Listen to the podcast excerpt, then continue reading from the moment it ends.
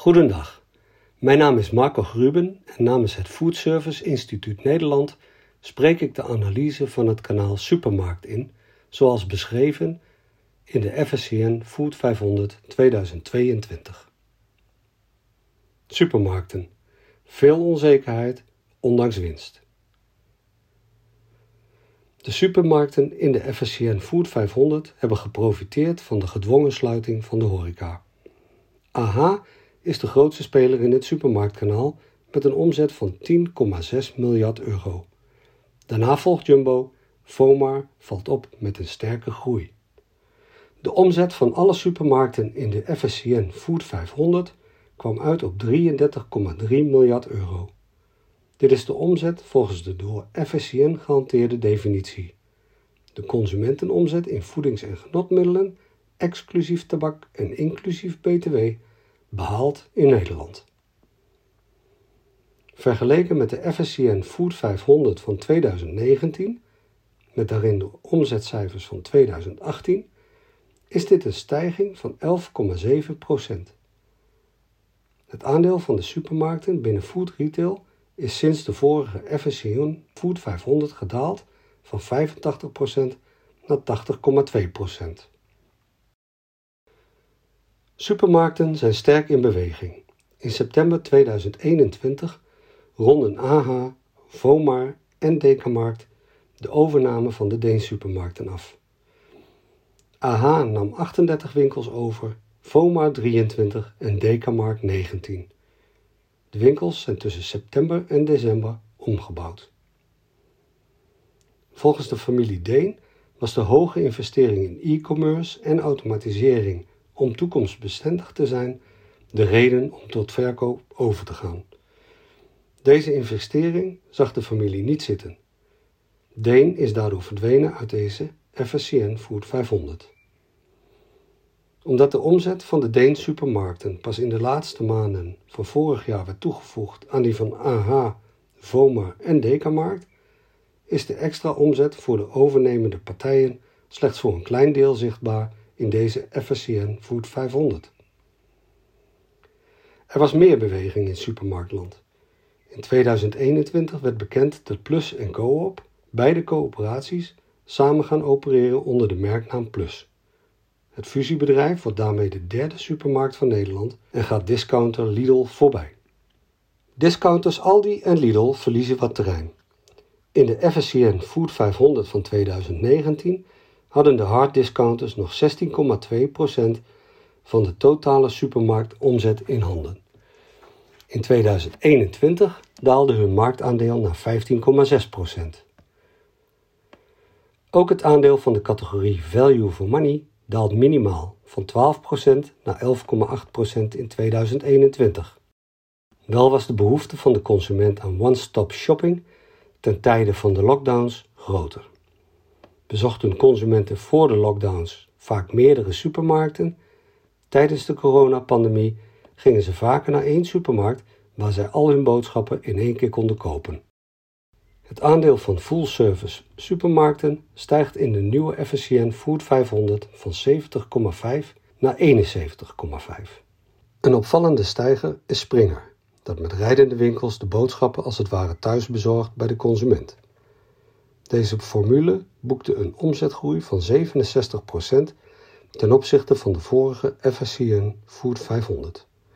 Tijdens de pandemie sloot het concept goed aan op het advies van de Rijksoverheid en op de consumentenbehoefte om zoveel mogelijk thuis te blijven. Jumbo Foodmarkt plus door de opening van twee nieuwe winkels met bijna 32% ten opzichte van de vorige FSCN Food 500 en behoort daarmee tot de snelste stijgers. MCD Supermarkten daalt het sterkst met 23%.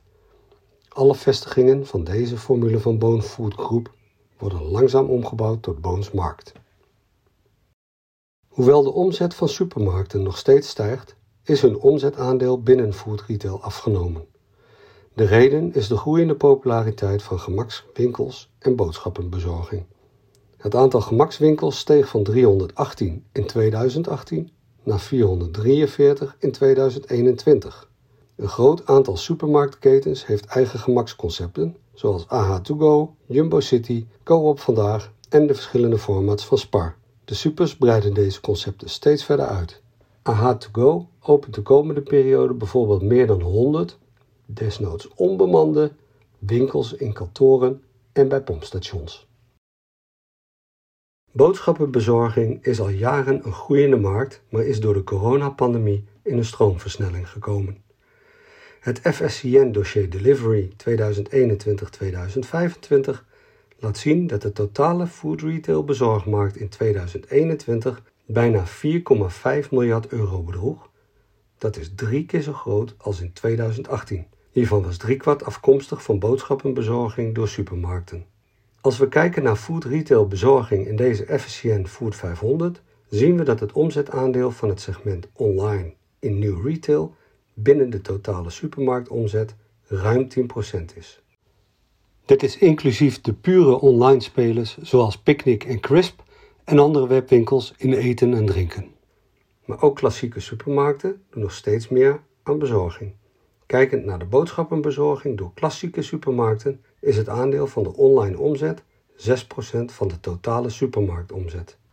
Wat betreft boodschappenbezorging doen supermarkten er overigens goed aan om hun aanbod meer af te stemmen op consumenten die hun aankoopbeslissingen tot het laatste moment uitstellen.